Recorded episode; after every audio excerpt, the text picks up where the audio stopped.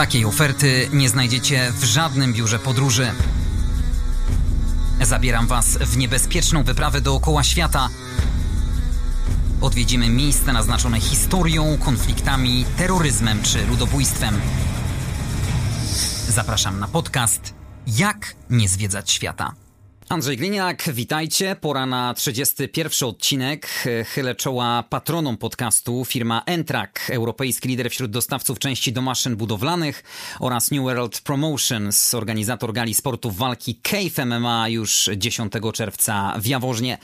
Zapraszam też do polubienia facebookowej strony podcastu Jak nie zwiedzać świata. A dziś odwiedzimy miejsce, które przez wielu określane jest jako zapomniane przez Boga. Głód, bieda, susze, wojny, terroryści, piraci. Somalia czyli kraj w Afryce Wschodniej, od wielu lat zajmuje miejsce na podium w niechlubnej klasyfikacji najniebezpieczniejszych państw na Ziemi. Wyprawa w to miejsce to zdecydowanie najwyższy turystyczny stopień wtajemniczenia, na który odważył się mój dzisiejszy gość, Janusz Tichoniuk. Dzień dobry. Dzień dobry, dziękuję za zaproszenie. Zwiedził Czarny Ląd wzdłuż i wszerz, autor strony yahodevil.com. Gratuluję odwagi. Dzięki. Somalia była dla ciebie taką wisienką na torcie, bo to ostatni afrykański kraj, który brakował ci do kompletu. Tak, tak to poniekąd tak potraktowałem Somalię. Może to nie jest najlepsze, ale właściwie pasuje świetnie do jak nie zwiedzać świata, bo na, na pewno nie jest to wisienka na torcie, które się nazywa Afryka. Natomiast tak, był to ostatni mój afrykański kraj, który, który odwiedziłem. Zajęło mi to większą część mojego dorosłego życia yy, odwiedzanie, zwiedzanie Afryki, podróżowanie po tym kontynencie. Byłem co prawda w Somalilandzie w 2005 roku, jakiś czas temu, natomiast no, ten niedosyt yy, pozostał, ponieważ no, jak wiadomo Somaliland jest państwem, które nie jest uznane przez yy, społeczeństwo międzynarodowe, przez wspólnotę. I no, musiałem odwiedzić tą Somalię właściwą, więc nadarzyła się taka okazja w tym, przepraszam, w zeszłym roku Szczerze powiedziawszy, długo nie myślałem, zdecydowałem się, jadę i byłem tam już po kilku tygodniach od podjęcia decyzji. Czyli na świeżo będziesz nam opowiadał te wielkie emocje, które towarzyszyły ci podczas wyprawy. Większość świata o Somalii usłyszała oglądając ten kultowy już film wojenny Black Hawk Down, czyli helikopter w ogniu o akcji specjalnej amerykańskich komandosów w stolicy Somalii w Mogadiszu. Ciebie też poniekąd ten film troszeczkę zainspirował? E, tak, oglądałem oczywiście ten film, e, znam go. E, natomiast no, nie była to bezpośrednia inspiracja, aczkolwiek próbowałem dotrzeć do tego tego miejsca, gdzie ten helikopter jest, bo nadal leży po środku e, bazaru Baraka w Mogadiszu. E, nie udało mi się to niestety, zbyt duże napięcie panowało w atmosferze akurat w tym dniu, gdy tam byliśmy i e, musieliśmy się wycofać. Natomiast no, jest to też miejsce, które mm, turyści, bo turyści docierają jednak, jest to bardzo, bardzo mała ilość turystów odwiedzających Mogadiszu i Somalię. Ten helikopter jest nadal atrakcją turystyczną, tak w cudzysłowie ujmując, bo, nie, bo takich atrakcji de facto zbyt wiele nie ma takich pocztówkowych miejsc, które w, znajdują się w przewodnikach i katalogach, e, które mogłyby przyciągnąć turystę nie ma szans, żeby wybrać się do Somalii na własną rękę. W takim razie, kto podejmuje taką rękawicę? Czy jest jakieś biuro podróży, czy może ktoś tam na miejscu, który organizuje takie ekstremalne wycieczki? Może zacznijmy od początku, ponieważ no, jak już e, wiemy, jak to się robi, to sama podróż e, do Mogadiszu, do Somalii nie jest aż taka trudna, bo klucz wszystkiego jest odpowiednie zaproszenie kogoś z, z, mm, na miejscu. Są biura, które organizują... Somalijskie. Tak, to są Somalijczycy, którzy tym się e, zajmują, którzy e, potrafią obsłużyć ten niewielki ruch turystyczny i mając już ten lead, czy tam tą wskazówkę w ręku, cała reszta jest prosta, bo wbrew pozorom niepotrzebne są wizy, niepotrzebne są jakieś specjalne pozwolenia. Ten jeden dokument, który nazywa się zaproszeniem, otwiera drogę do Somalii i to jest tylko jedyny dokument, który jest sprawdzany podczas wsiadania do samolotu w Warszawie, no i na lotnisku już później w Mogadiszu. Y, bez tego być może uda nam się tam dolecieć, natomiast y, natychmiast prawdopodobnie kazano by nam wracać, gdyby nikt tam na nas nie czekał. A jest w Polsce jakiekolwiek biuro, które organizuje takie wyprawy do Somalii? Tak, oczywiście, no, no, oczywiście może złe słowo, jest takie biuro i yy, z takim biurem właśnie pojechałem, no, yy, można powiedzieć, że to mój wyjazd zorganizowany do Somalii. Yy, natomiast tak się składa, że właścicielem tego biura jest mój serdeczny przyjaciel i po prostu zadzwonił do mnie kilka tygodni przed wylotem, mówiąc, że słuchaj, jest pierwsza chyba w Polsce wyprawa do Somalii. Szukam chętnych w takich właśnie zaprawionych już bojach miłośników Afryki, którzy po prostu chcieliby pojechać. Czy jedziesz? Ja mówię, no oczywiście jadę i za cztery tygodnie już byłem w, w Somalii. Yy, biuro prowadził mój, tak jak wspomniałem, przyjaciel Łukasz Odzimek, yy, nazywa się Poza Trasą. Można bezpośrednio z Polski dolecieć do Somalii? Nie, z Warszawy do Mogadiszu oczywiście nic nie lata, bo to i nigdy chyba nie latało w historii. Yy, natomiast całkiem dogodne połączenia są w tej chwili przez Stambuł Turkish Airlines oraz Qatar Airways. Chyba oni są w tej chwili najbardziej korzystni, jeśli chodzi też o czas przesiadki w Doha. To są te linie, które są najbardziej wygodne, ale lata tam jeszcze Etiopian przez Addis Abebę, ale akurat z Polski jest to kłopotliwe połączenie. No i sporo linii lotniczych lata też z Kenii. Możemy liczyć na sporo ekstremalnych atrakcji na miejscu, ale musimy też liczyć się ze sporym wydatkiem, bo jednak y, taka wyprawa do Somalii to duże koszty. Tak, no bo tutaj e, pomijając sam koszt biletu lotniczego, który też nie jest tani, ponieważ prawdopodobnie też firmy ubezpieczeniowe odpowiednio sobie doliczają, gdyby coś tam się jednak wydarzyło. E, dzisiaj jeszcze przed tym e, tutaj programem sprawdziłem, ile kosztuje bilet, gdybym chciał polecieć na przykład jutro, no to to jest wydatek z Warszawy w tej weftę około 5 tysięcy złotych. Czy jest to dużo, czy to mało, czy mało, no to już pozostawiam ocenie tym, którzy by chcieli tam pojechać. Natomiast tak naprawdę cały koszt, y, który jest, bo nie, nie jest to mały koszt, napędza y, jeden parametr, to jest bezpieczeństwo, które gwarantuje uzbrojona obstawa, która jest obowiązkowa. Znaczy, no może powiedzmy, ona nie jest y, w jakiś sposób wymagana przez jakieś przepisy, bo też musimy sobie uświadomić, że Somalia to jest państwo upadłe, tam e, o jakichś przepisach administracji rozbudowanej, systemie zdrowotnym, bezpieczeństwa e, ekonomicznym nie, nie ma mowy. Tam funkcjonuje wszystko jako tako. Tak naprawdę rząd kontroluje w zasadzie niewielki skrawek terytorium. Tak, no to, to też, jest, też jest istotna informacja, ponieważ no, Mogadiszu, stolica Somalii, liczy około 2 milionów e, mieszkańców, cały kraj bodajże około 15. E, natomiast rząd centralny, ten federalny, który właśnie jest, ma siedzibę w Mogadiszu, kontroluje miasto, no, Mogadiszu, o którym już wspomniałem, no i taki kawałeczek wokół miasta, może 30 kilometrów, o ile dobrze pamiętam, e, i to tyle. Dalej to już jest tylko Al-Shabaab, nikt tam nie jeździ, nikt tam się nie udaje, żeby tam zwiedzać albo odwiedzać znajomych. Dodajmy tylko, bo o tym pewnie będziemy jeszcze wiele razy w dzisiejszym podcaście mówili, Al-Shabaab, czyli ta somalijska, radykalna, islamistyczna organizacja terrorystyczna, taka komórka Al-Kaidy w rogu Afryki właśnie w Somalii. Tak, no to jest to... to organizacja, milicje islamskie, które kontrolują właściwie większość terytorium Somalii. W tej chwili tylko mm, w dużych miastach jest y, rząd centralny, rząd federalny y, kontroluje sytuację, natomiast cała reszta, cały interior jest to Al-Shabaab. Są to mm, milicje islamskie, które e, zajęły tą próżnię, która powstała poprzez rozpad państwa, bo to nie jest tak, że e, to się e, jakoś wzięło znikąd mm, powstawało w jakimś długi, w długim procesie, to po prostu państwo somalijskie się zapadło już dawno temu. E, były w międzyczasie różne próby e, formowania rządów przejściowych.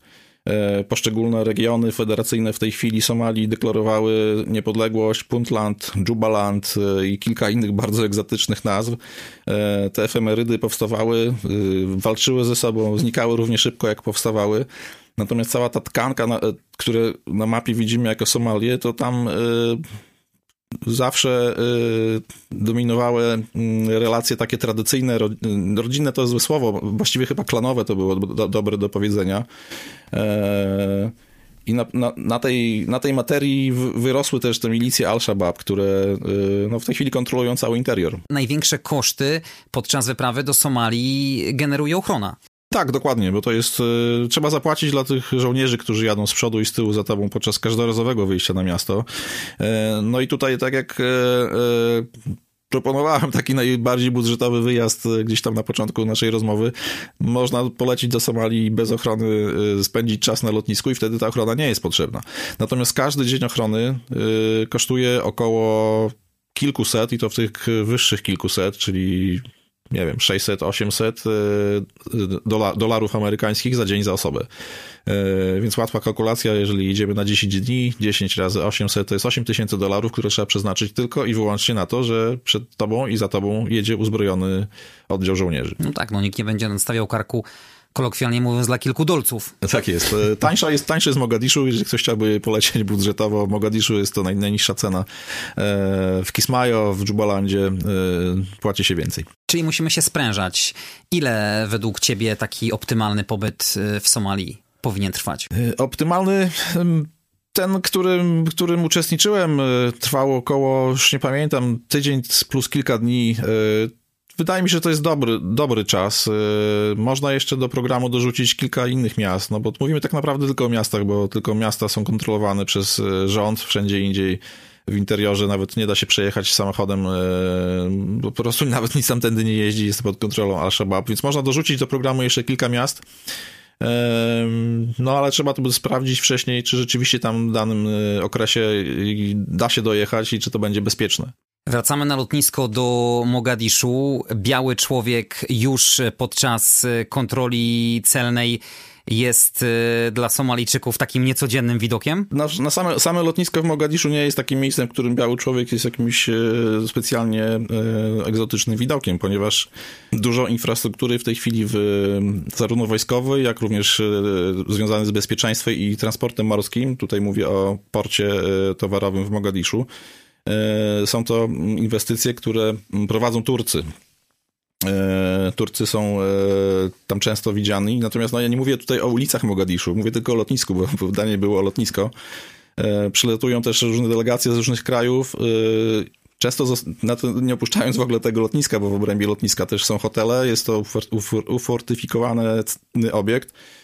Biali ludzie są, nie są tam widokiem e, zupełnie obcym. Wychodzicie przed e, bramę lotniska i czeka na was opancerzony pick-up e, wraz z ochroną z długą bronią? Takie jest, dokładnie tak to wygląda, aczkolwiek mm, jeżeli zamierzamy nie wychodzić z lotniska, no bo tutaj też takie, jak nie zwiedzać świata, mm, można zwiedzać na przykład Somalię w ten sposób, że można polecieć do Mogadiszu, można nie wynajmować żadnej ochrony, no ale wtedy jesteśmy skazani na nocleg w hotelu lotniskowym i w ogóle... Co to za fajda? Dokładnie. Żeby wyjść z obrębu e, lotniska, które zresztą jest ufortyfikowane w kilka różnych warstw tych fortyfikacji. Należy przekroczyć kilka takich e, systemów umocnień. To ja nie, nie mówię o jakichś ki kilku wolkach z piaskiem jeden na drugich, tylko konstrukcjach wybudowanych z takich już solidnych e, pojemników z piachem w wysokości może 5 metrów, dwupiętrowego prawie że budynku. Utworzone z tego takie labirynty, że nawet wprost nie można przejechać, tylko trzeba zrobić w środku kilka zakrętów, żeby ktoś, kto e, rozpędzonym samochodem z zewnątrz jechał, nie mógł przez to się przebić.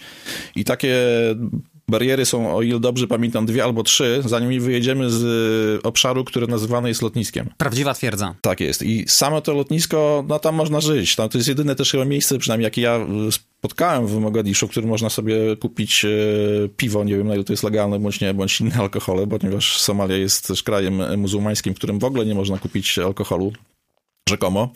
Natomiast tam jest tyle obcokrajowców przyjeżdżających na to lotnisko, żołnierzy również, którzy, którzy tam stacjonują w okolicach, że no, w jakiś sposób ten alkohol się tam znajduje. Yy, I tylko w obrębie lotniska można się przemieszczać bez jakiejkolwiek ochrony. Yy, powiadają tam na miejscu, że Owszem, można wyjść na miasto sobie samemu yy, pochodzić po Mogadiszu, natomiast no, powiada się, że średni czas przeżycia białego w takiej scenariuszu to są, to są 3 godziny. Każdorazowy wyjazd na miasto no wymaga już niestety tej ochrony. Ochrona wygląda tak, jak powiedziałeś. E, jest samochód, e, niekoniecznie jest to opancerzony samochód, aczkolwiek w, naszej, w naszym konwoju były dwa samochody, są to tak, tak, tak zwane pick-upy. Jeden był opancerzony, drugi nie. Opancerzony mam na myśli pancerne szyby i takie, które nie przybije kula. Natomiast drugi był zwykły, to tak może był przypadek, że był taki jeden lepszy. I z przodu i z tyłu tego mini konwoju dwusamochodowego dodatkowe dwa auta pick-upy z żołnierzami z przodu około pięciu osób, z tyłu też pięciu żołnierzy obwieszonych klasycznie, to co widać na zdjęciach często z Somalii, taśmami z amunicją i długa broń, która często jest od razu odbezpieczona, trzymana w, gotowa, w gotowości do strzału, co się zresztą kilkukrotnie przydało. Biały w Somalii to idealny sposób dla miejscowych mających e, złe zamiary na łatwe, szybkie a przede wszystkim duże pieniądze? Myślę, że, że tak nie jest, bo po pierwsze biały człowiek w Somalii jest tak bardzo rzadkim widokiem, że nikt w ogóle takiej koncepcji w głowie na pewno nie ma. No, natomiast ta teoria o tych trzech godzinach w Mogadiszu skąd się wzięła, może jest to produkt firm, które, znaczy firm, no tych ludzi, którzy organizują te zbrojne eskorty. Yy, natomiast ja sam się nie czułem bezpiecznie yy, ani dnia, oprócz pierwszego dnia po przylocie, bo to był jedyny dzień, kiedy nie było yy, słychać wystrzałów. Później każdy dzień wiązał się z tym, że wieczorem było słychać strzały strzelano, żeby nas przepędzić, e, bo znaleźliśmy tam, gdzie nie trzeba. Strzelali nasi żołnierze, bo chcieli z kolei przepędzić ludzi, którzy nam stanęli na drodze, więc e, bezpiecznie tam nie jest na pewno. Ochrona czeka na Was na lotnisku, eskortuje Was do hotelu. Macie od razu ze sobą jakiegoś przedstawiciela miejscowego biura podróży? Tak, jest to osoba, która to wszystko koordynuje, bo ci żołnierze, którzy z nami po Mogadiszu jeżdżą, to oni są tylko z Mogadiszu i też yy, należą do jakiejś tam frakcji tych ochroniarzy, którzy niekoniecznie mogą być mile widziani gdzie indziej. I ta osoba dodatkowa, która to wszystko załatwia, yy, stara się, żeby pobyt był jak pobyt, jakby byliśmy w jakimś kurorcie. Yy, wizyta w mieście była jak najbardziej bezpieczna E, stara się, e, żebyśmy nie wjeżdżali tam, gdzie nie można, no i mm, stara się nam pokazywać miejsca, które wydają się dla, z jego punktu widzenia e, atrakcyjne, bo wyjeżdżając też poza Mogadiszu, wyjeżdżając, mam na myśli wylatując, ponieważ przy tym tylko wąskim pasku ziemi wokół miasta, które kontroluje rząd, jedyny transport publiczny międzymiastowy na większe odległości w Somalii to jest transport lotniczy. I lądując w innym stanie, na przykład w Dżubalandzie bądź w Puntlandzie, e, Procedura powtarza się podobnie jak przy lądowaniu w Mogadiszu, tylko to są już inni żołnierze, inaczej uzbrojeni, inne samochody i y, reprezentujące jakiś inny od, od, odłam sił zbrojnych. Cała wycieczka logistycznie zaplanowana jest przez biuro podróży. Macie jakiś wpływ? Możecie coś zasugerować, gdzie byście się chcieli zatrzymać, co byście chcieli zobaczyć? Tak, to też nie jest tak, że, że to jest jakiś program, który jest dostępny w internecie. Klikam tutaj w okienko i realizujemy ten program e, po kolei. E, to wszystko jest, zależy od tego, co my chcemy zobaczyć. Ten program, w cudzysłowie program, który mi się udało zrobić, to było po prostu spełnienie naszych, e, naszych oczekiwań co do tego, co chcielibyśmy zobaczyć i skonfrontowanie tego, co się da, a co nie da. I też to nie jest tak, że my coś zaplanujemy dzień po dniu, i później w takiej samej kolejności co do godziny jest realizowane. Samoloty się spóźniają, samoloty nie odlatują w ogóle.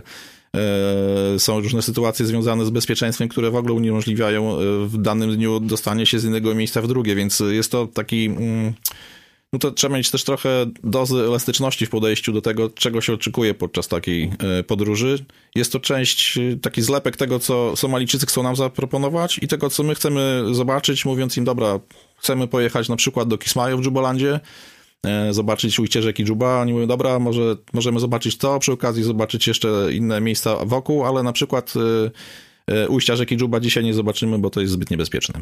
Podkreślamy to wielokrotnie, że Somalia jest absolutnie nieturystycznym krajem. Jak wygląda w takim razie takie zakwaterowanie, standardy hotelowe? No standardy hotelowe, hotelowe są całkiem niezłe. No, znaczy, co prawda to nie są Marioty yy, albo jakieś inne bardzo drogie hotele, w których jest basen, yy, bar i tak dalej. Natomiast yy, no, w każdym mieście są hotele. Yy, są to hotele, hotele kosztują 100-200 dolarów w zależności od tego, od standardu. Yy, myślę, że poniżej stówki będzie, byłoby trudno coś znaleźć takiego w miarę, w miarę. E, w ogóle Somalia to jest kraj rządzony przez dolara, nie ma tam za bardzo miejsca na miejscową walutę, która gdzieś tam podskórnie jeszcze funkcjonuje, ale generalnie nie, jest, to, jest tam dolar tylko. E, I jest to drogi kraj, no, wojna kosztuje, e, to wszystko napędza koszty i ten hotel, który kosztuje tą 100 dolarów, to tak naprawdę, nie wiem, gdzieś obok w Etiopii może kosztować 15-20. Hotel, wysoki mur, drut kolczasty, szlaban, uzbrojona ochrona? Dokładnie tak jak mówisz, to już e, chyba e, widzisz w głowie ten obraz, jak ta Somalia wygląda. Wejścia do hoteli, to też zależy co prawda gdzie, bo e, ten hotel, który jest gdzieś na przykład przy, w obrębie lotniska, bo tam też byłem, jest tam kilka hoteli, to w samym w takim hotelu to nie ma potrzeby stawiania oddzielnej ochrony, ponieważ on już się znajduje w tym super uzbrojonym otoczeniu. Natomiast jadąc gdziekolwiek indziej, to wejście do hotelu wiąże się z kontrolą prawie że osobistą, sprawdzenie, czy nie wnosimy broni.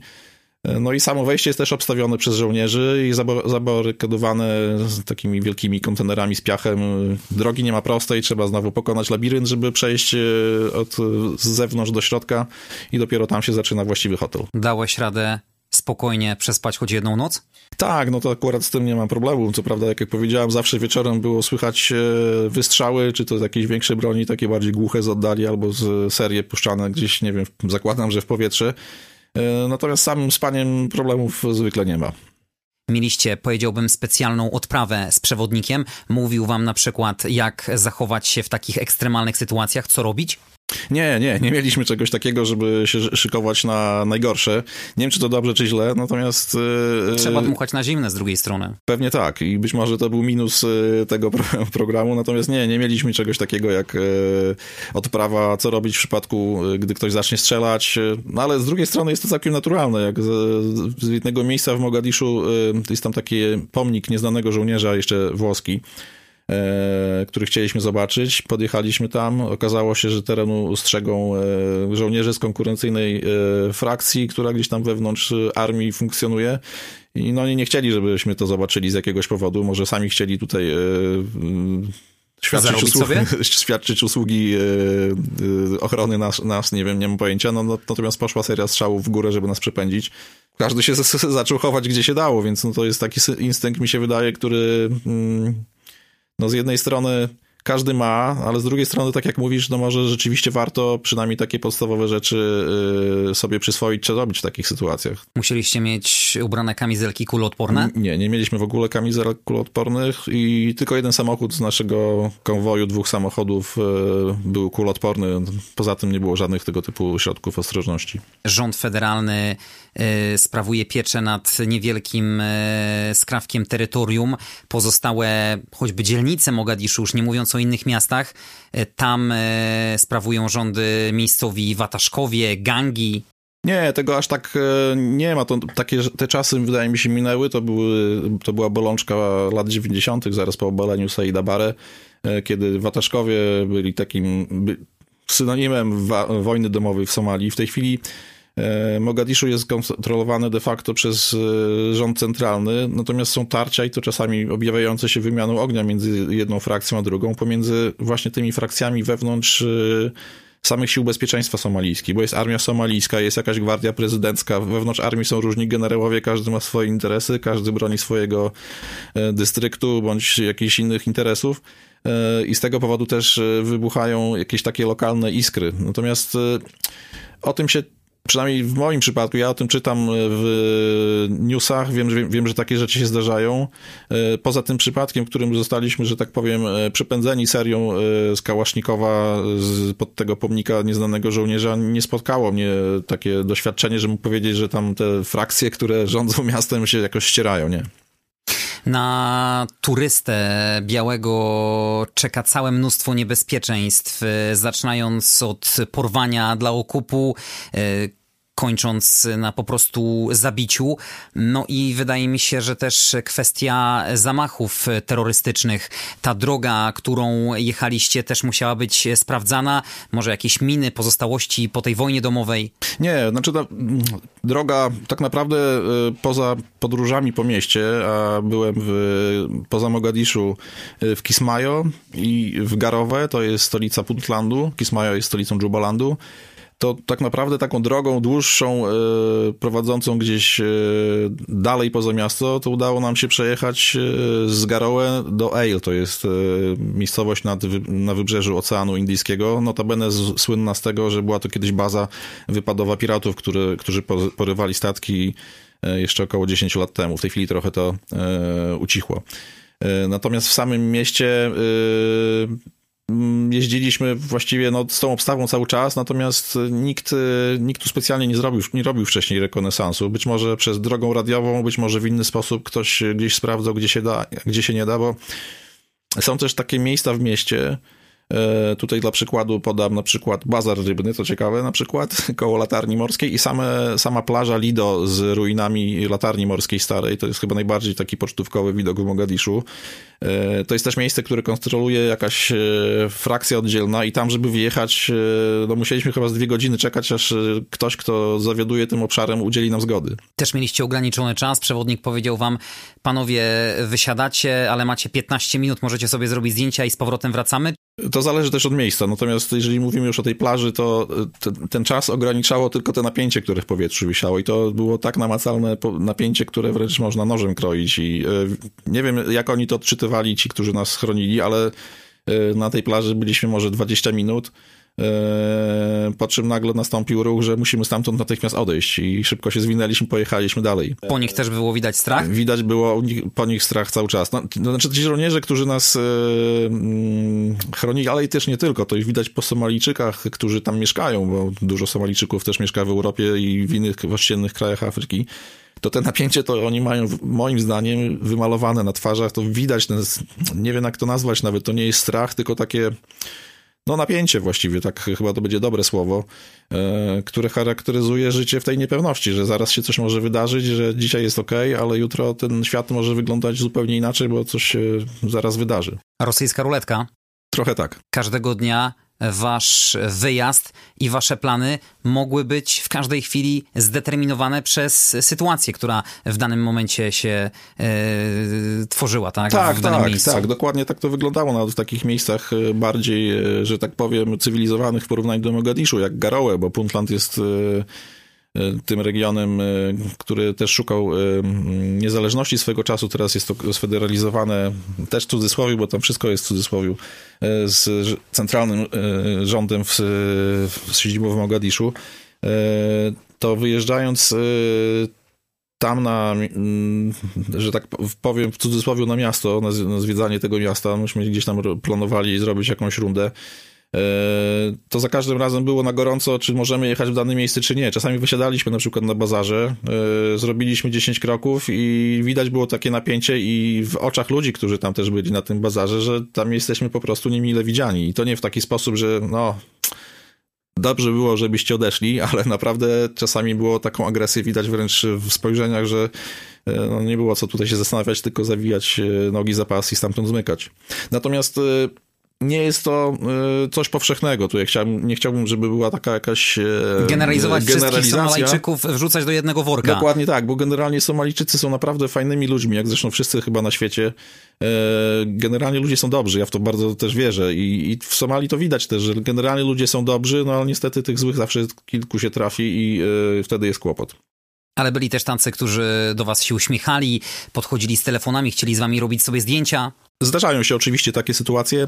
W miastach, a no właściwie byliśmy ograniczeni do miast, nie licząc e, tego miasteczka Ale na e, wybrzeżu Oceanu Indyjskiego, ale nawet i tam, e, widząc nas, to wszyscy którzy mieli przy, przy, sobie telefony, szczególnie młodzież, to zawsze chciała z nami zrobić zdjęcia.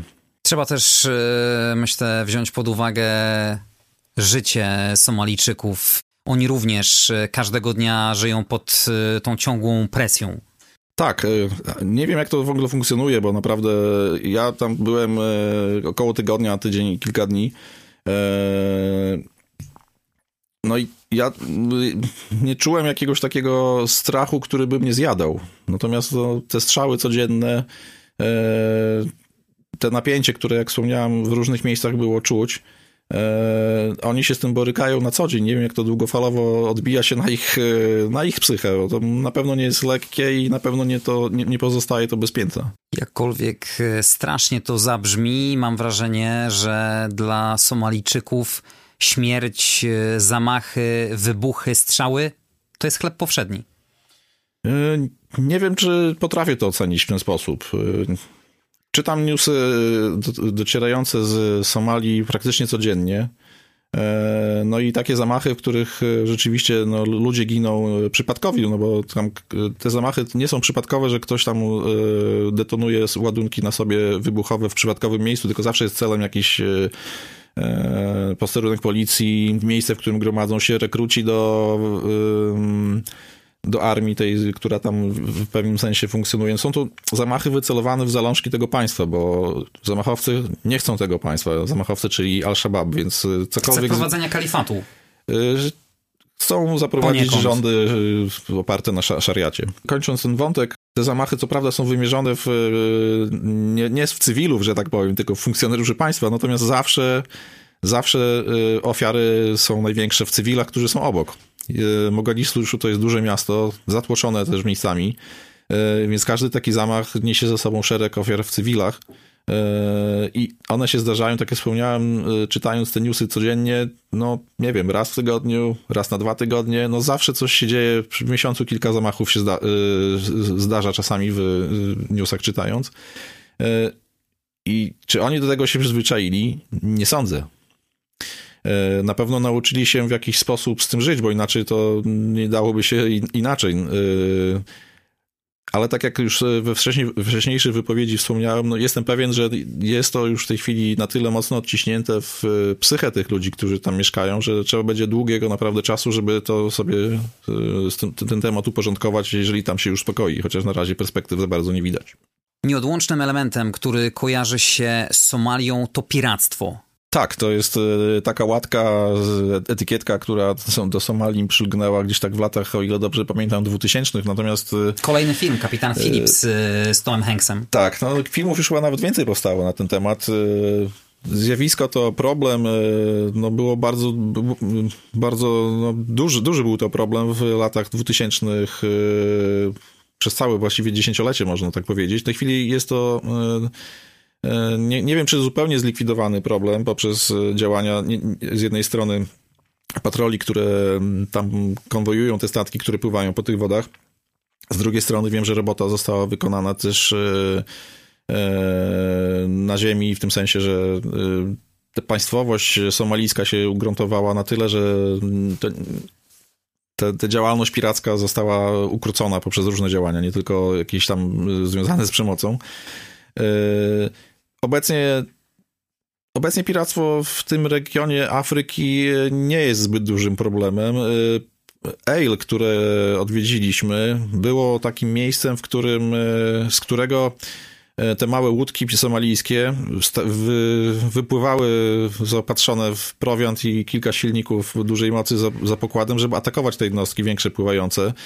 I później ściągały je w pobliże Ale i zresztą można znaleźć do tej pory zdjęcia e, w różnych mediach e, tego miasta, miasteczka, bo to nawet, może nawet jeszcze mniej, że to jest wioska niż jakiekolwiek miasto, e, z zacumowanymi gdzieś tam daleko widać od wybrzeża statkami, które czekają na na to, co się dalej z nimi wydarzy. No, Ale było taką bazą.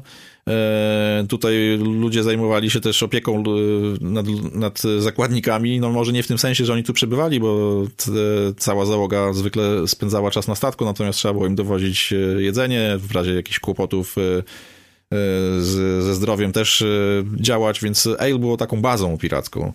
Teraz tego zupełnie nie widać. Jak gdybym nie wiedział, że to, taka historia jest związana z Ale, to, to nigdy nie zgadł, że coś takiego było.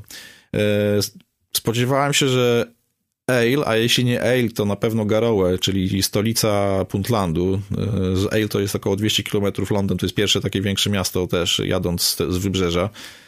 E, że gdzieś będzie widać to, doczytałem o tym, że widać ten mm, wpływ pieniędzy, który mm, armatorzy płacili za uwolnienie statków na lokalne społeczności, że widać to gdzieś w postaci nowych budynków, jakichś pięknych, e, po prostu, że widać będzie to bogactwo. E, nie widziałem niczego takiego. Nie wiem, co się z tym stało, może spodziewałem się za dużo, natomiast e, jeżeli mówimy o piractwie teraz, w dzisiejszym dniu, w tym miejscu Afryki, to raczej tam specjalnie niczego nie zobaczymy. Trzeba by pytać już e, konkretnie, drążyć temat i w tym celu pojechać, żeby znaleźć odpowiednie osoby, które by e, chciały podzielić się wiedzą na ten temat. Oczyma wyobraźni widzę takiego pirata, który czeka sobie na plaży i żuje kat, czyli ten tak bardzo popularny między innymi właśnie w Somalii mhm. narkotyk. Spotkałeś się z tym? Tak, no, z tym, że no, to jest... No, narkotyk jest to stymulant, który pobudza, później trochę pewnie otumania, tak słyszałem, jak się za dużo go y, zacznie rzuć. Y, jest to narodowy sport Somalijczyków, ale nie są w tym najlepsi. Moim zdaniem. Kto ich pokonał? pokonują ich jem, Jemeńczycy. Zdecydowanie jest to jeszcze bardziej to podniesione do, do sześcianu wręcz ten zwyczaj. W Somalii oczywiście żują, oczywiście można to kupić. E, natomiast no, te wydęte policzki z katem, które charakteryzują właśnie w Jemenie, to jest bardzo częsty widok. Właściwie każdy facet, e, nawet taki, który dopiero osiągnął wiek taki, który mu to umożliwia, czyli już nie dziecko, no to oni wszyscy z tymi wypchanymi policzkami chodzą. W Somalii rzadki jest to widok, żeby zobaczyć osobę, która ma pełny policzek wypchany katem, ale Kat jest wszędzie do kupienia, można zobaczyć, że ludzie po prostu kupują, sobie te skubią listki, żują, ale nie aż tak wyszukany i ekstremalny sposób jak w Jemenie. Kolejny problem, z którym od wielu lat boryka się Somalia, to głód. Widać y, na ulicach tych wychudzonych ludzi? Yy, nie. Ja wiem, że w tej chwili to yy, naprawdę krytyczny i duży problem, ponieważ susza, która dotyka nie tylko zresztą ten kawałek Afryki, ale szczególnie Sahel, te obszary pustynne i półpustyni, a, takim, o takich terenach mówimy, jeżeli rozmawiamy o Somalii, w tej chwili jest to bardzo duży problem. Y, natomiast skłamałbym, gdybym powiedział, że, że to widać po prostu na ulicach miast. Nie, tego na ulicach miast nie widać. Też nie widać mm, takiego głodu związanego, że, że chodzą, mm, że, że można spotkać osoby, które widać, że po prostu ledwo się trzymają na nogach z tego powodu. Nie, tego, tego w ogóle nie widać. Ale jeszcze raz chcę powiedzieć, yy, że to jest wrażenie, które opieram tylko i wyłącznie na yy, oglądaniu yy, miast, czyli Mogadiszu, Kismayo, Garowe, no i Eil. Somalia boryka się z ogromnym problemem analfabetyzmu. Tam ponad 60% osób powyżej 15 roku życia nie potrafi ani czytać, ani pisać. To jest 7 milionów osób. Często Somalijczycy posługują się po prostu rysunkami. Na budynku piekarni narysowany jest chleb, na szkole dzieci z tornistrami, a na przykład na szpitalu karetka. E, tak, no to, to z tym, że analfabetyzm to nie jest tylko bolączka Somalii, ale no tak jak wspomniałeś, Somalia tutaj z tym ma y, szczególny problem, ponieważ wojna domowa, upadek państwa, bo e, tutaj z tym mamy do czynienia. Państwo upadło na początku lat 90., więc już e, leży na łopatkach e, lat 30, jeśli dobrze liczę. Tam po prostu nic nie funkcjonuje. Jeżeli jest edukacja, to jest to edukacja płatna w dużym mieście, gdzie ktoś otworzył szkołę prywatną i to, i to tyle. I kogo stać na to, to, to robi, a kogo stać naprawdę, to po prostu wysyła dzieci za granicę. Cała reszta E, musi borykać się z brakiem jakiegokolwiek systemu. I to nie mówimy tylko o systemie edukacji, e, no ale wszystkiego. No to jeszcze raz powiem, e, jak Katarynka, to jest państwo upadłe, tego państwa tam nie ma. Są tam jakieś zaczątki, jest jakiś rząd, który nie jest do końca rozpoznawany przez innych wewnątrz własnego państwa. Ta kontrola, która się tylko ogranicza do miasta, a poza tym to już jest Al-Shabaab, gdzie w ogóle mm, nie ma nic do powiedzenia rząd centralny. E, jeszcze raz y, powiem, tego, tego państwa prawie, że nie ma. Nie ma państwowości jako takiego, e, takiej tkanki, która gwarantuje cokolwiek dla obywatela tego fikcyjnego, w cudzysłowie jeszcze raz, państwa. E, więc i dostało się rykoszetem albo nawet bezpośrednio prosto w nos edukacji, której tam też nie ma. I tak jak wspomniałeś, E, radzą sobie ludzie w ten sposób, że nie tylko na piekarni, ale w restauracji, u fryzjera, e, no, tak naprawdę nie trzeba znać języka, żeby sobie, sobie tam poradzić. W Somalii to też jest e, jakiś tam plus tej sytuacji. No, trudno szukać może plusów takiej tragedii, no ale e, poruszając się po Somalii bardzo łatwo znaleźć, odnaleźć się w tej rzeczywistości, bo tam wszystko jest w piktogramach. Jak wchodzimy do restauracji, no to jest na ścianie namalowane, wszystko to tam jest dostępne. Od szklanki z sokiem po pieczonego kurczaka. E, zachodzimy do fryzjera, to już z daleka widać, że to jest tam fryzjer, bo no, oświadczył o tym malunki na na ścianach. E, w środku można już pokazać palcem konkretną fryzurę namalowaną na desce i tak, tak co się tam odbywa. Można się pokusić o takie stwierdzenie, że gdyby nie to całe zło, piękne rajskie plaże, to mogłaby być cudowna mekka dla turystów z całego świata? No, plaże Somalii rzeczywiście są fajne, y, są piękne, piaszczyste. No, ja wszystkich nie widziałem, rzecz, rzecz jasna, tylko w kilku miejscach, bo w Kismayo i w Ale, w Puntlandzie.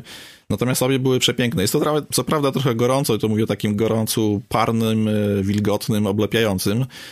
Natomiast no, potencjał rzeczywiście ten kraj ma. No ale bez uporządkowania wewnętrznych spraw tutaj tego potencjału raczej nikt nie wykorzysta. A tu chciałbym jeszcze rozwinąć taki wątek, bo e, powiedziałem, że to są sprawy wewnętrzne i tu warto powiedzieć, że Somalia jest ewenementem na skalę Afryki, ale chyba nie tylko Afryki, chociaż Polska też tutaj się trochę wpisuje w e, te pudełeczko, które chcę za chwilę e, zdefiniować. To jest kraj naprawdę jednorodny. Kraj jednorodny, w którym mieszkają 90 kilka procent mieszkańców są właśnie Somalijczycy rozmawiają jednym somalijskim językiem, wierzą w jeden, jedną religię i to nawet y, nie y, podzieloną, że połowa sunnici, połowa to szyici. Nie, wszyscy są y, w większości, w 90 tych kilku procentach muzułmanami, sunnitami. A mimo wszystko jest to kraj, który nie może się ze sobą dogadać. Y, to, I to jest właśnie y, wyjątek. To z jednej strony mamy najbardziej jednorodny kraj w całej Afryce. Nie ma tych podziałów plemiennych, nie ma sztucznych y, podziałów, które koloniści kiedyś zrobili, że przecięli kraj na pół. Połowa jest zupełnie innych ludzi, połowa innych. Nie, to jest jeden naprawdę naród, ładnie ładnie zdefiniowany, ładnie się komponujący w definicję słowa jedności, a mimo wszystko jest to kraj, który na mapie Afryki jest też synonimem wojny i niedogadania się. Tamte linie podziałów i konfliktu iskrzą e, nie na e, płaszczyznach e, religijnych, nie na płaszczyznach językowych, etnicznych, tylko na linażach rodowych, przynależności do klanu. I to ich, to ich dzieli i to na tym budują, no, nie budują sami jakoś tam specjalnie, natomiast to jest przyczyną ich niedogadania się, bo nie potrafią się przez to dogadać.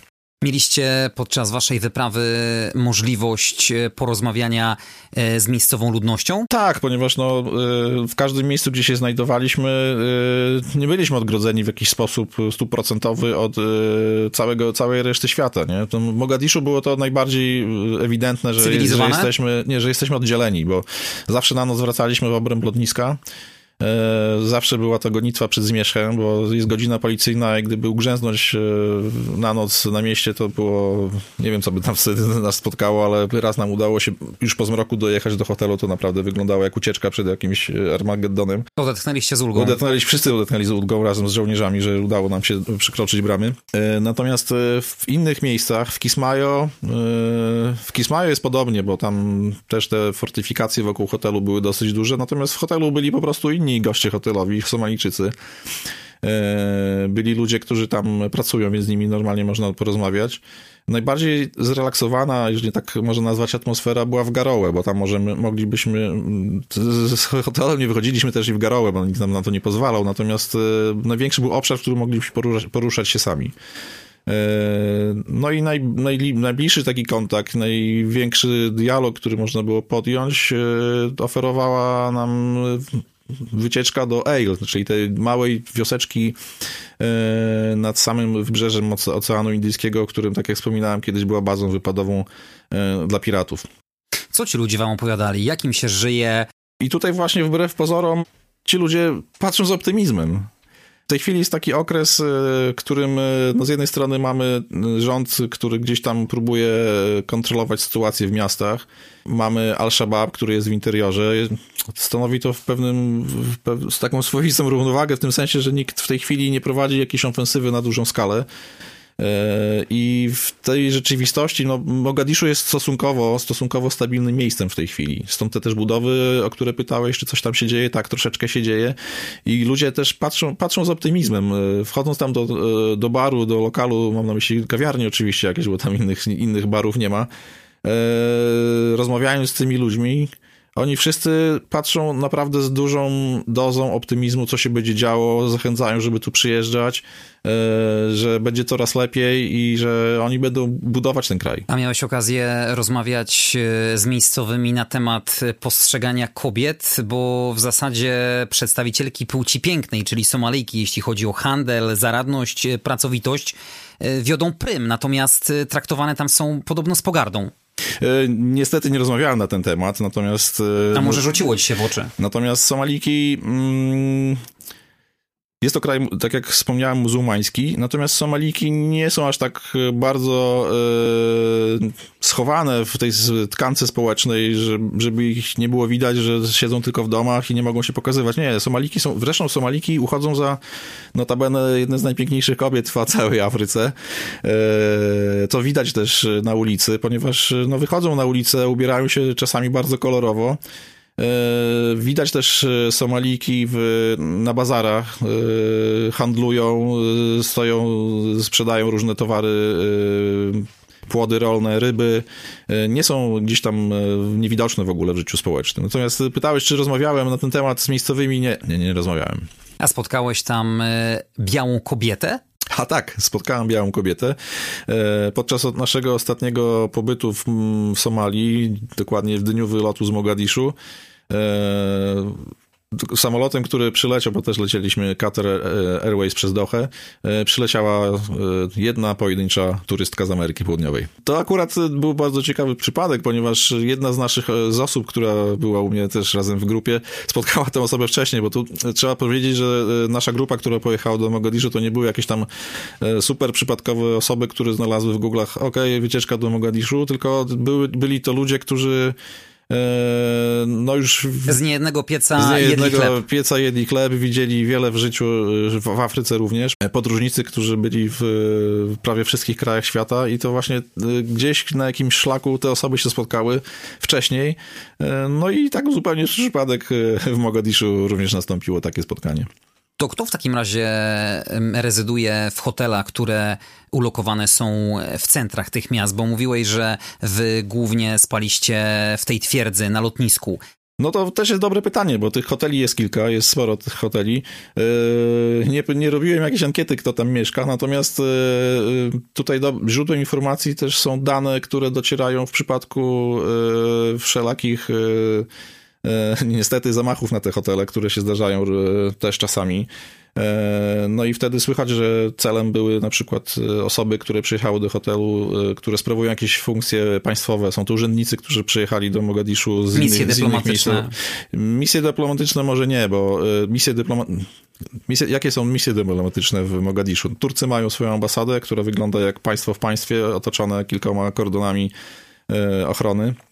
Natomiast takich budynków e, z powiewającą flagą obcego państwa tam po prostu nie ma. No chyba, że ją e, ochronić e, zupełnie tak jak wyspę, odciąć zupełnie od tkanki miejskiej. Są to lokalni mm, urzędnicy, lokalni przedstawiciele lokalnych władz, którzy przylecieli na przykład z Puntlandu do Mogadiszu, z Mogadiszu polecieli do Kismayo w jakimś celu na jakieś rozmowy. Są też biznesmeni, którzy y, próbują coś tam robić w różnych miastach. No i jest też diaspora to, i to, to jest duży też, wydaje mi się, procent y, hotelowych gości, e, którzy tam się zatrzymują, bo to, to wiem na pewno, na ten temat rozmawiałem. E, ta diaspora, którzy 15% Somalijczyków w ogóle na świecie jest poza Somalią, którzy oni też przyjeżdżają odwiedzić swój kraj, też zatrzymują się często w hotelach. Hotel Olimpik. Wiesz do czego pije? To jest też taki kultowy znaczek w filmie Black Hawk Down, zaraz tam, gdzie rozbił się samolot. Ja jeszcze może wrócę do tego filmu, bo pamiętam tę scenę i ten helikopter się rozbijał pomiędzy takimi wyższymi kamienicami, to wyglądało jak jakieś może scena z Powstania Warszawskiego. Natomiast ta cała, cała dzielnica baraka wygląda zupełnie inaczej i tak jak powiedziałem, tam nie ma chyba jednego budynku, który jest wyższy niż y, dwa piętra. W większości przeważającej są to takie bardzo niziutkie budynki i gęsta siatka prostopadłych do siebie dróg. Nie jest aż tak fotogeniczna jak ta scena z tego filmu. Co na tobie zrobiło tam największe wrażenie? Największe wrażenie tak naprawdę nie wiem, nie, nie potrafię tego e, powiedzieć, żebym jakieś miał największe e, wrażenie, natomiast e, jeżeli do zbioru mm, worka z napisem wrażenia wrzucimy też mm, ten strach i emocje, które są związane z podróżą, no to chyba byłoby to, no bo pytałeś mnie, czy na przykład można przespać spokojnie noc. Można, natomiast to nie jest tak, że że oko hopo strzelali gdzieś tam z boku, to fajnie idę spać, to gdzieś ciągle z tyłu głowy siedzi i te wrażenie, ten taki mm, mocno odciśnięty konf, konflikt, który wi wiadomo, że jest bardzo naoczny i aż, y, aż go prawie można dotknąć, to, to na mnie odcisnęło na, największe, no to wrażenie złe, złe słowo być może, ale y, chyba tego bym y, szukał, jakbym miał określić jakąś emocję, która była związana z tą podróżą. Bakara Market, o którym e, na początku wspominałeś, e, tam kumuluje się, a w zasadzie może kumulowało jeszcze w latach 90. E, to całe zło. Tam raczej wstęp dla turystów jest niemile widziany. To prawda? Bakara Market jest to miejsce, w którym leży, leżą szczątki helikoptera z filmu Black Hole Down, helikopter w ogniu. Chcieliśmy tam pojechać, zobaczyć ten helikopter bo nie, da się to zrobić. Natomiast to też zależy od okoliczności, akurat nam nie było dane. E, nie pamiętam, jaki to był dzień tygodnia, natomiast e, był to dzień dosyć e, ruchliwy, dużo ludzi było na ulicach. Jeszcze też jedna rzecz warta wspomnienia, że ja miałem inne trochę wyobrażenie, jak Bakara Market wygląda. Dla mnie market w kraju typu Somalia to wygląda trochę jak taki arabski bazar ze straganami za, duże zagęszczenie kramów, handlu i dużo się dzieje w jednym miejscu na czasami większej powierzchni. Natomiast Bakara Market to ja bym określił, że to jest raczej taka dzielnica handlowa, gdzie jest bardzo dużo małych takich domków, sklepików, parterowych budyneczków, y, na siatce takich y, prostopadłych do siebie uliczek, jedna od drugiej co 50 metrów jest uliczka pod kątem prostym, zakurzone, pyliste, tam asfaltu w tym miejscu akurat nie ma. I gdzieś pośrodku tego jest ten helikopter. E, próbowaliśmy do niego dotrzeć, natomiast e, dużo ludzi e, akurat na tym bazarze było i nie wiem dlaczego, ale jakieś takie właśnie takie nieopisane napięcie panowało w powietrzu, o którym wspominałem wcześniej podczas opisywania plaży Lido Beach koło latarni morskiej w Mogadiszu. E, w tym miejscu też e, musieliśmy, no nie my, tylko nasi tutaj ochroniarze z bronią, użyć broni palnej, żeby przepę przepędzić złe słowo, ale no, utorować nam drogę, żeby sobie mm, żeby pojechać dalej, żeby nie stać w jednym miejscu, tylko żebyśmy jechali, poruszali się, nie stali w miejscu.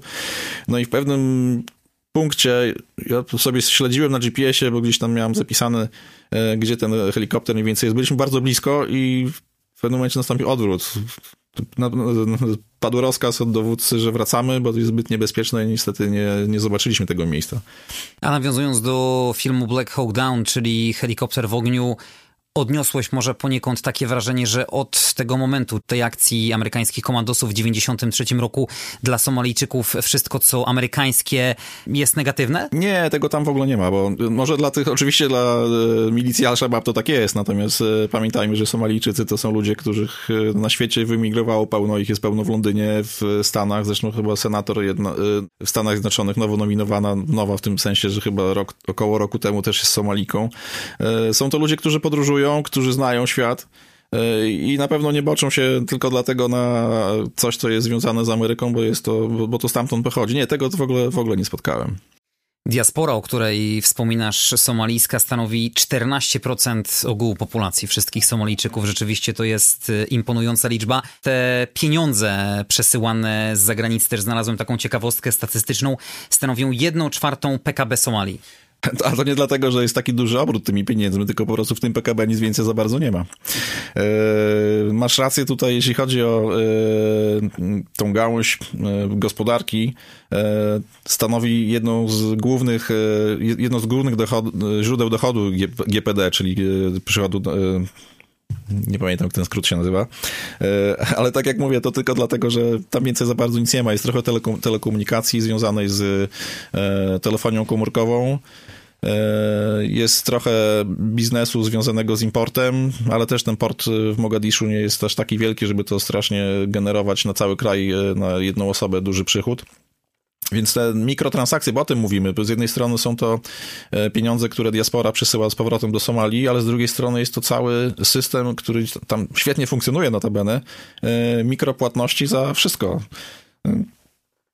Na przykład y, idąc ulicą Mogadiszu od sprzedawcy kawy możemy tą kawę zakupić albo za dwa dolary, czy tam za dolara, albo za pakiet somalijskich szylingów, co jest możliwe, ale człowiek się bardzo zdziwi, że taka transakcja ktoś mu proponuje, albo wysyłając y, komunikat telefonem i to nawet nie smartfonem, tylko z telefonu na telefon oni tak sobie płacą.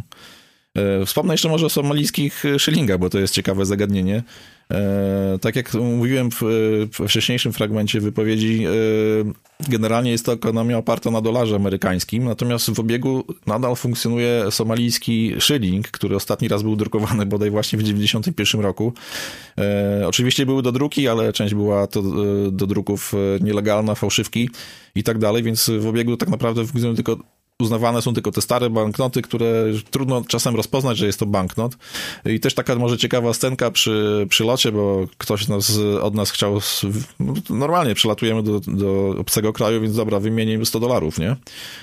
Y, jest oczywiście punkt wymiany na lotnisku, natomiast pytanie o wymianę 100 dolarów na y, szylingi somalijskie spotkało się z po prostu mm, wielką konsternacją, bo człowiek nie wiedział, no, co my tak naprawdę chcemy, bo to nie była taka abstrakcyjna sytuacja, że ktoś w ogóle coś taką, taką ma potrzebę.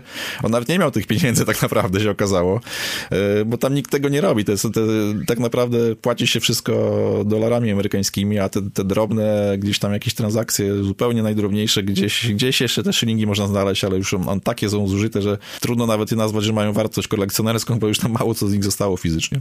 Czyli tylko i wyłącznie gotówka. O płaceniu kartą możemy raczej zapomnieć. E, o karcie oczywiście możemy zapomnieć, natomiast będąc, e, no być może dla obcokrajowca, dla obcokrajowca jest też taka opcja, żeby się zarejestrować w systemie tych płatności telefonem i wtedy możemy sobie śmiało regulować płatności telefonem. Natomiast no, dolary amerykańskie w kieszeni wystarczą jak najbardziej.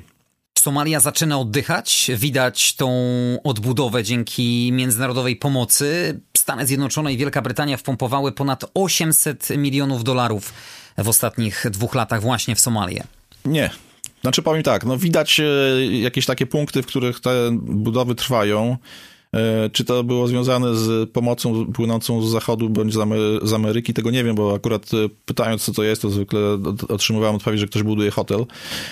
Są takie pojedyncze punkty, na przykład w Mogadiszu teraz mam na myśli, w których widać, że coś się buduje, natomiast to jest pogrążone w tej tkance zniszczonej, która jest zrujnowana, no może nie kompletnie, bo tam w niektórych miejscach też jeszcze nadal ludzie mieszkają, ta ruina wojenna w Mogadiszu, w y, okolicach y, byłego Starego Miasta, w okolicach portu jest, jest przytłaczająca i tam trudno nazwać, żeby ktoś tam coś tam odbudowywał. Jeżeli mówimy o inwestycjach infrastrukturalnych, które pewnie w takie rzeczy inwestują albo wspierają państwa zachodnie bądź inni, inni donorzy, to będą raczej inwestycje w porty, w infrastrukturę lotniska, w drogi nie, bo tam drog, drog nie ma co budować. E, w budynki administracji publicznej, w to tak, w szkolenia też e, organów właśnie tych organizacji, administracji publicznej, które tam próbują ludzie jednak żeby powstawać. No to może wreszcie porozmawiamy o jakichś pozytywach twojego wyjazdu.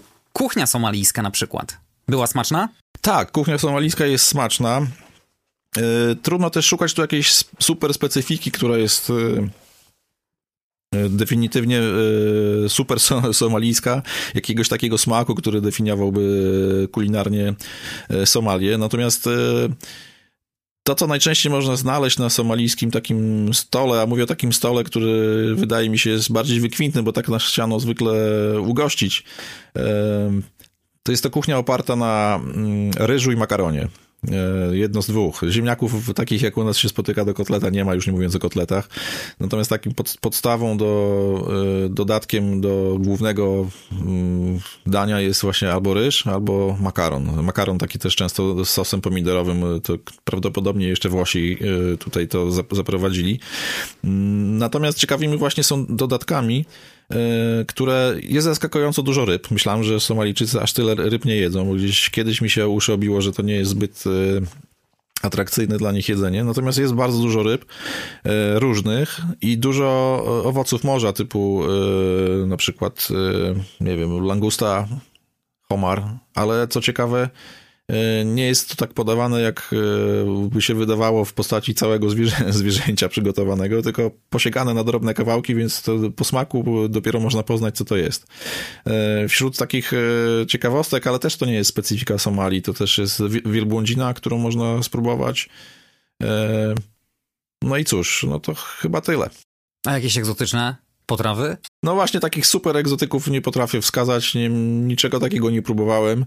E, więc nie wiem nawet, czy coś takiego na miejscu jest do spróbowania. No to też pamiętajmy o tym, że e, takie super miejscowe smaczki e, są trudne do znalezienia, no bo albo to trzeba do kogoś wprosić do domu, czy, czego raz nam, raz się, no to nie było wproszenie się do domu, tylko to zorganizowane było, że rodzina ugotowała dla nas strawę, tam właśnie w Ale, powiedzmy w stolicy piratów. E, albo stołujemy się w hotelach. E, no a w hotelach też bywa często tak, że pracują e, i w kuchni kucharze z innych regionów Afryki, więc takich super somalijskich smaków nawet nie jestem pewien, czy do końca spróbowałem. A jak oni się poruszają? Tam funkcjonuje w ogóle coś takiego jak komunikacja miejska? Komunikacja miejska funkcjonuje w postaci dwojakiej. To są nowość, to są takie trzykołowe motocykle małe, nie wiem jak to się nazywa, motoriksza czy coś takiego. Tuk -tuk. Koloru żółtego? Koloru czerwonego akurat tam. Też nie trafiłem. Y, bądź zielonego, tutaj widzisz, nie pamiętam, ale na pewno nie żółty. Y, I minibusy, których, które funkcjonują nie wiem w jaki sposób, takie małe, zupełnie małe autobusiki, które kursują przez miasto i ludzie wsiadają, wysiadają w dowolnym ich miejscu. E, I to wszystko. Taksówki są jeszcze oczywiście. E, natomiast komunikacja międzymiastowa nie funkcjonuje, bo jej po prostu nie ma. E, można dojechać do jakiegoś pewnie ostatniego checkpointu który kontroluje jeszcze rząd. No, dalej jest już Sterra Incognita, czytaj Al-Shabaab i nie, nie, ma w ogóle czegoś takiego jak e, stacja, dworzec autobusowy, który można w Mogadiszu sobie wsiąść i na przykład pojechać do Kenii, do Etiopii, bądź też do miasta, które jest położone 200 kilometrów dalej. Nawet na takich krótkich odcinkach e, odbywa się tam drogą lotniczą, latają po prostu samoloty. Przywiozłeś sobie coś ciekawego z Somalii? tak, przywiozłem sobie coś ciekawego.